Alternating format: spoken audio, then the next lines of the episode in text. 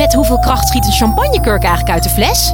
Ja, het is feest bij Quest. Al twintig jaar serieus leuk, met nieuwsgierige vragen en antwoorden uit de wetenschap. Zo maken we Nederland elke dag een stukje slimmer. Nu in de winkel en op quest.nl.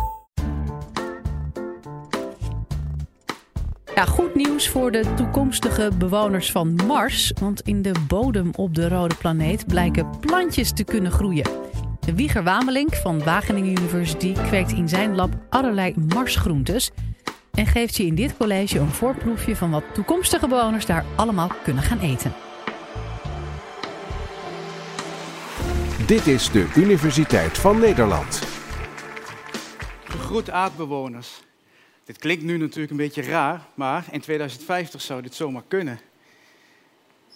Als onderzoeker ben je heel veel tijd kwijt aan het doen van aanvragen voor geld, projectvoorstellen indienen. En dat is ontzettend frustrerend, want heel vaak krijg je geen geld. Nou, dat gebeurt mij ook.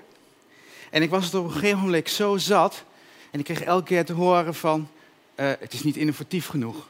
Toen dacht ik van, nou zal ik jullie hebben. Ik bedenk eens een keer iets wat echt innovatief is. Ik ga kijken of je op basis van wat wij weten over planten, waar ze kunnen groeien, of die misschien op Mars of op de maan zouden kunnen groeien. En toen kreeg ik ineens wel geld. Daar was ik heel blij mee, maar ook een beetje verbaasd. Toen ging ik doen wat je eigenlijk helemaal niet behoort te doen. Je behoort namelijk eerst uitgebreid te kijken in de literatuur. Wat is er al bekend? Wat is er al gedaan? En dan ga je pas een voorstel schrijven. Had ik deze keer niet gedaan. Dus ik ging daarna pas kijken. En toen zag ik dat nog nooit iemand dit had uitgezocht. Daar was ik natuurlijk heel blij mee. En ten tweede dat NASA niet alleen onderzoek doet daar, maar dat ze ook bodem hier op aarde beschikbaar stellen waar je experimenten mee kunt doen. En die heb ik hier bij me. Zowel Mars als maangrond. Denken jullie, hè, Marsgrond? Dat kan toch helemaal niet, want er is nog nooit iets teruggekomen. Dat klopt. Dit is nagemaakte Marsgrond en nagemaakte maangrond, maar die lijkt er wel precies op. Deze komt uh, van Hawaii, van een vulkaan. En op Mars heb je ook veel vulkanen, dus dat lijkt logisch. Dit komt uit een woestijn uit Arizona en dit lijkt er voor 98, 99 procent op. Dus wij gebruiken dit om experimenten mee te doen. En je kunt het dus gewoon kopen. Op internet, geen probleem. Maar 100 kilo kost wel 2.500 euro. Dus helemaal gratis is het niet. We hadden dus bodem. En Wageningen hebben natuurlijk prachtige kassen. Dus ik dacht, er is bodem. Ik ga niet een een of ander wiskundig model maken om te kijken of dit kan. Ik ga echt experimenten doen in de kas. Nou, dat hebben we gedaan. We hebben 840 potjes in het eerste jaar gebruikt. Hebben we 14 verschillende plantensoorten ingezet en 5 zaadjes per potje. Nou, wie heel snel kan rekenen, die weet het al. Maar dan gaat het dus om 4200 zaadjes. Waarom zoveel? Nou, ik was bang, die bodems die zijn eigenlijk niet zo goed. Dus er gebeurt vast niks. Dus ik had zoveel zaadjes, dan kiemen er vast een paar plantjes. Nou, dat hebben we geweten. Want het ging namelijk heel goed. En dat betekent dus dat je al die zaadjes elke dag moet bekijken en kijken, is, het gekiemd? Zit er een blaadje aan? En op 4 mei was ik in de kas. En ik denk, in de tuinkers, daar zit geen knopje van een blaadje, dat lijkt wel een bloemknopje op marsbodem. En dat hadden we natuurlijk nooit verwacht, want ik was al blij als er iets kiemde. Maar ja, 5 mei, alles dicht in Wageningen. Hè? Dan gaan wij feest vieren, de bevrijding. Speciaal toestemming geregeld. Ik was op 5 mei 2013 in de kas. En ja hoor, had ik de eerste bloeiende tuinkers. Daar waren we heel blij mee. Nou, het bleek toen al, dat jaar, dat het eigenlijk heel goed ging. Vooral op marsbodem. Wij hadden al tuinkers, worteltjes, ook heel veel wilde planten. Dat ging heel goed hebben we daarna nog twee experimenten gedaan. En nu zijn we eigenlijk zover dat we al heel veel verschillende groentesoorten kunnen telen. En in best wel grote hoeveelheden. En dat ging dus zo goed dat ik een voorbeeld daarvan bij mij heb. En we doen vandaag de marsbodem. En dan zijn er een aantal mensen die heel gelukkig mogen zijn, want die mogen proeven. Wil jij proeven? Dit is rucola. En een klein blaadje. Probeer maar. Ik hoor zo wel even hoe het smaakt. Wil jij ook proeven? Alsjeblieft. Ook eentje proeven? Alsjeblieft. En dan ga ik weer naar boven, zonder te vallen. Hoe smaakt die? Lekker. Pittig? Als rucola? Ja, hè? Ja, dat is wel iets wat ik meer hoor. Ik vond het zelf ook hoor. Het smaakt pittiger. Tomaatjes die we hadden, zoeter. Maar het smaakt goed. De tuinkers gaat goed. Alleen, er is wel één dingetje mee. Die bodems, die zijn niet zo heel erg goed. er zijn wat problemen mee met die marsbodem. Een van de dingen is dat ze een hele hoge pH-waarde hebben. En dat vinden planten niet fijn. Daar groeien ze niet goed op. Maar wat misschien nog wel belangrijker is, is dat er heel veel zware metalen in deze bodem. En als je die binnenkrijgt, dat is natuurlijk niet gezond. Er zit bijvoorbeeld kwik in, lood, cadmium, zink. Dat wil je natuurlijk als astronaut niet binnenkrijgen. Want als ik dan heel veel groente kan telen, maar ja, het is giftig, dan heb je er nog niks aan. Nou, ik kan jullie geruststellen, je valt zo niet dood neer. Uh, we hebben dat uiteraard heel goed getest. Uh, de planten groeien, dus de pH is niet zo'n probleem. Er zitten ook geen zware metalen in, de dingen die je eet. Uh, ver beneden wat veilig is. Dus dat is goed. En wat wij ook hadden, die grond, en dat kun je ook wel een beetje zien. Dit neemt heel slecht vocht op. Als je er water bij doet. Nou, zij wist trouwens niet wat er gebeurde als je er water bij doet. Dat had ik hun gevraagd. Maar dat blijft er gewoon opstaan. Dus dat is ook wel een probleem. Wij moesten twee keer per dag water geven. En dan nog ging het niet echt goed. Dus dat was al echt een probleem. Maar uiteindelijk hadden wij wel veel groenten. Zoveel groenten dat ik niet meer wist wat ik ermee moest. We hadden zoveel bonen, kilo's bonen van ons experiment. Terwijl als je analyses doet, heb je een paar boontjes, hè, dan heb je wel genoeg. We hadden zoveel bonen dat ik dacht, wat doen we daar nou mee? Wij financieren ons project nu met crowdfunding. En toen hebben we voor de mensen die ons gesteund hebben met de crowdfunding, hebben wij een diner georganiseerd. Het eerste Mars-diner, wel op aarde. De leerlingen van de vakschool in Wageningen die hebben het eten gemaakt onder leiding van de chef-kok. En het eten was zo lekker dat het leek alsof je in een sterrenrestaurant zat te eten. Zelfs mijn vader, die er was, vond het ontzettend lekker. En er was geen vlees. En daar houdt hij absoluut niet van. En hij had het niet door.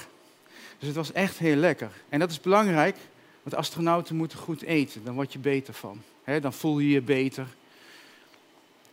We zijn dus zover dat we eigenlijk goed weten hoe we hier groenten moeten telen. Een paar problemen hebben we opgelost. Waar we nu naartoe werken en waar we nu heel druk mee zijn, is de volgende stap, namelijk op Mars mag niks verloren gaan. Dus zijn we bezig om een agrarisch ecosysteem, een gesloten agrarisch ecosysteem te ontwikkelen. Nou, hoe gaat dat werken? Elon Musk heeft zijn raket. Mars One wilde heen, NASA wilde heen, naar Mars. Ja, als je op Mars aankomt, ergens rond de Evenaar, daar is het dan nog het warmst. Maar het is meestal 50, 60 graden onder nul. Er is geen lucht op Mars. Dus daar een beetje gewoon rondlopen is er niet bij. Je moet altijd een pak aan.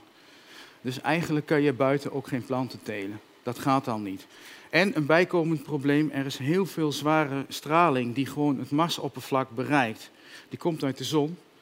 En dat kan echt gevaarlijk zijn, zelfs voor planten. Dus als je daar bent, buiten bent, een pak aan, binnen zul je vooral zitten. En nou heb ik een vraag voor jullie. Wie van jullie zou wel naar Mars willen?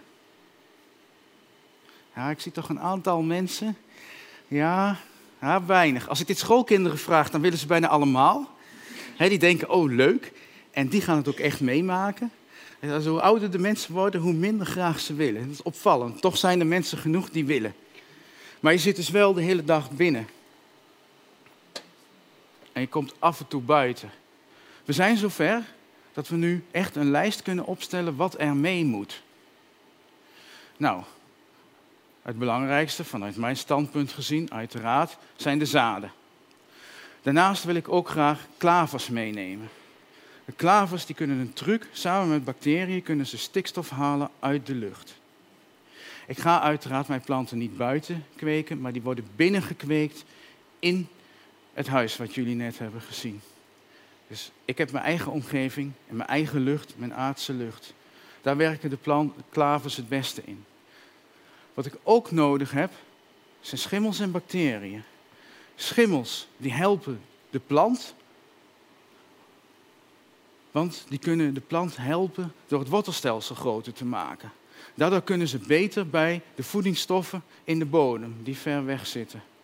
De bacteriën, wel, ik heb ze nodig om de stikstof te binden. dat is waar zij mij mee helpen, stikstof uit de lucht, die dan, dan als mest kan dienen. Maar ik heb de bacteriën ook nodig om alles wat je niet opeet, je eet niet alles op, van de tomaat blijft veel over, dat moet weer afgebroken worden en dat moet weer terug in de grond. Dat kunnen bacteriën mee helpen, want die breken dat af. Maar daar heb ik nog iets voor nodig, namelijk wormen. En wormen, die vormen een essentieel onderdeel van wat ik graag zou willen. Die wormen, die eten het blad op, die trekken dat naar beneden onder de grond, die poepen dat uit en dan is het al een soort mest, maar de bacteriën kunnen dat dan verder afbreken. Dus daar helpen ze bij. Daarnaast graven ze gangetjes. En dat is ook belangrijk, want ik zei al in het begin, ik heb moeite om het nat te houden. Het water komt er heel moeilijk in. Nou, als je gangetjes in de grond hebt, hè, door de wormen, dan loopt het water er gewoon naar beneden. Dat gaat een stuk makkelijker. Dus het helpt mij met water geven. En daardoor blijft de bodem beter vochtig en groeien mijn planten beter. Daarnaast, wortels hebben zuurstof nodig. Planten produceren zuurstof, maar wortels hebben zuurstof nodig. En als er gangetjes in de bodem zitten, helpt dat ook, want dan kan de zuurstof beter bij de wortels komen.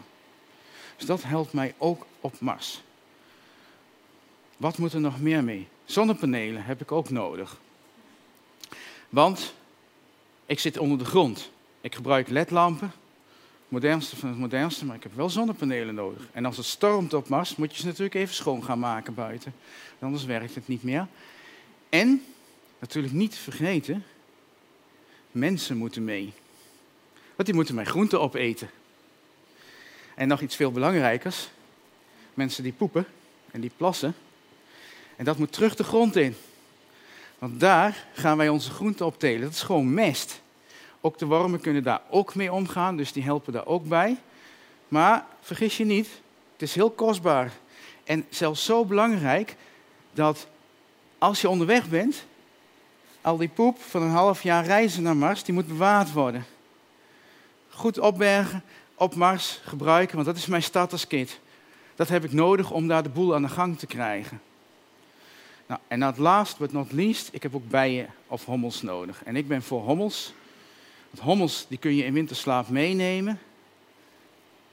Dan, als je ze nodig hebt, na een half jaar reizen, dan maak je ze wakker en dan kunnen zij de planten gaan bestuiven. Want ik had het al over mijn tuinkers, hè? die bloeide.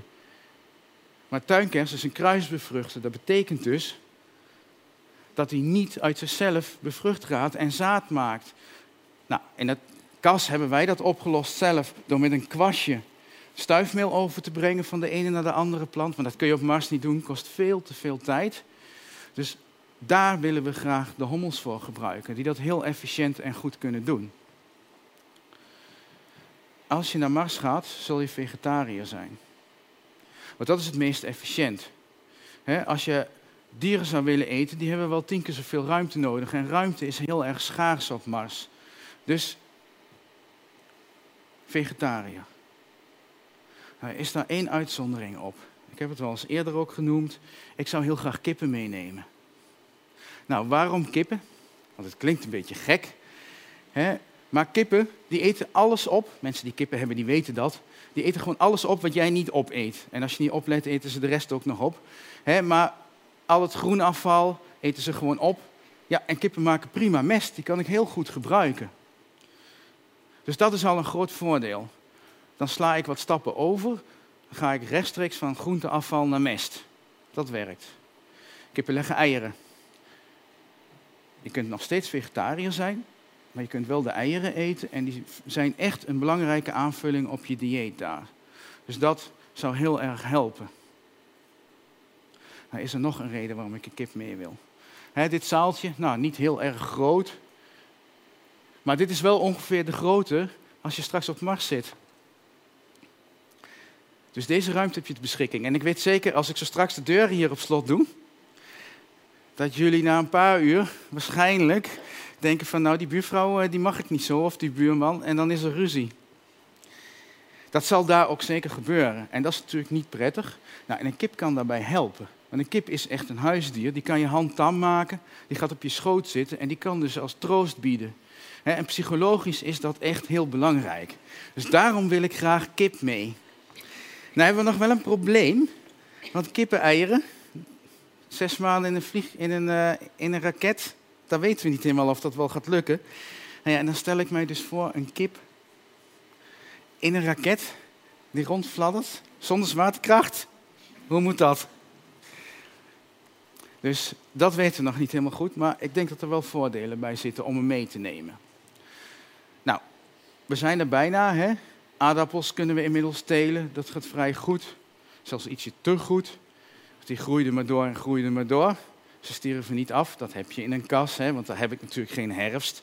Dus dat is iets wat we nog wel moeten regelen, maar is makkelijk te doen.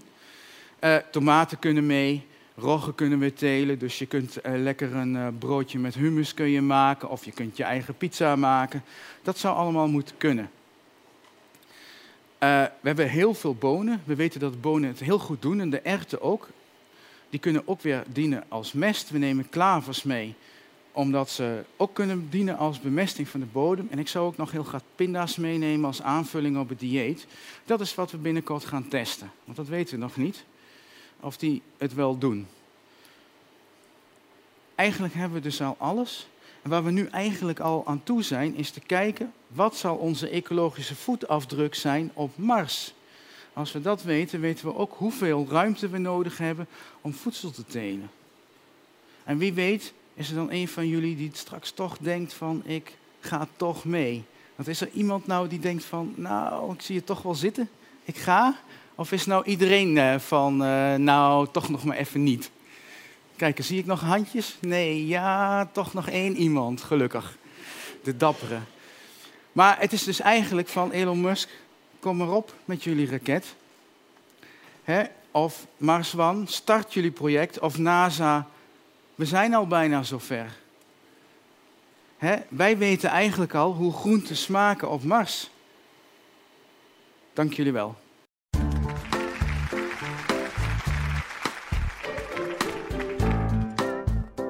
Dit was de Universiteit van Nederland.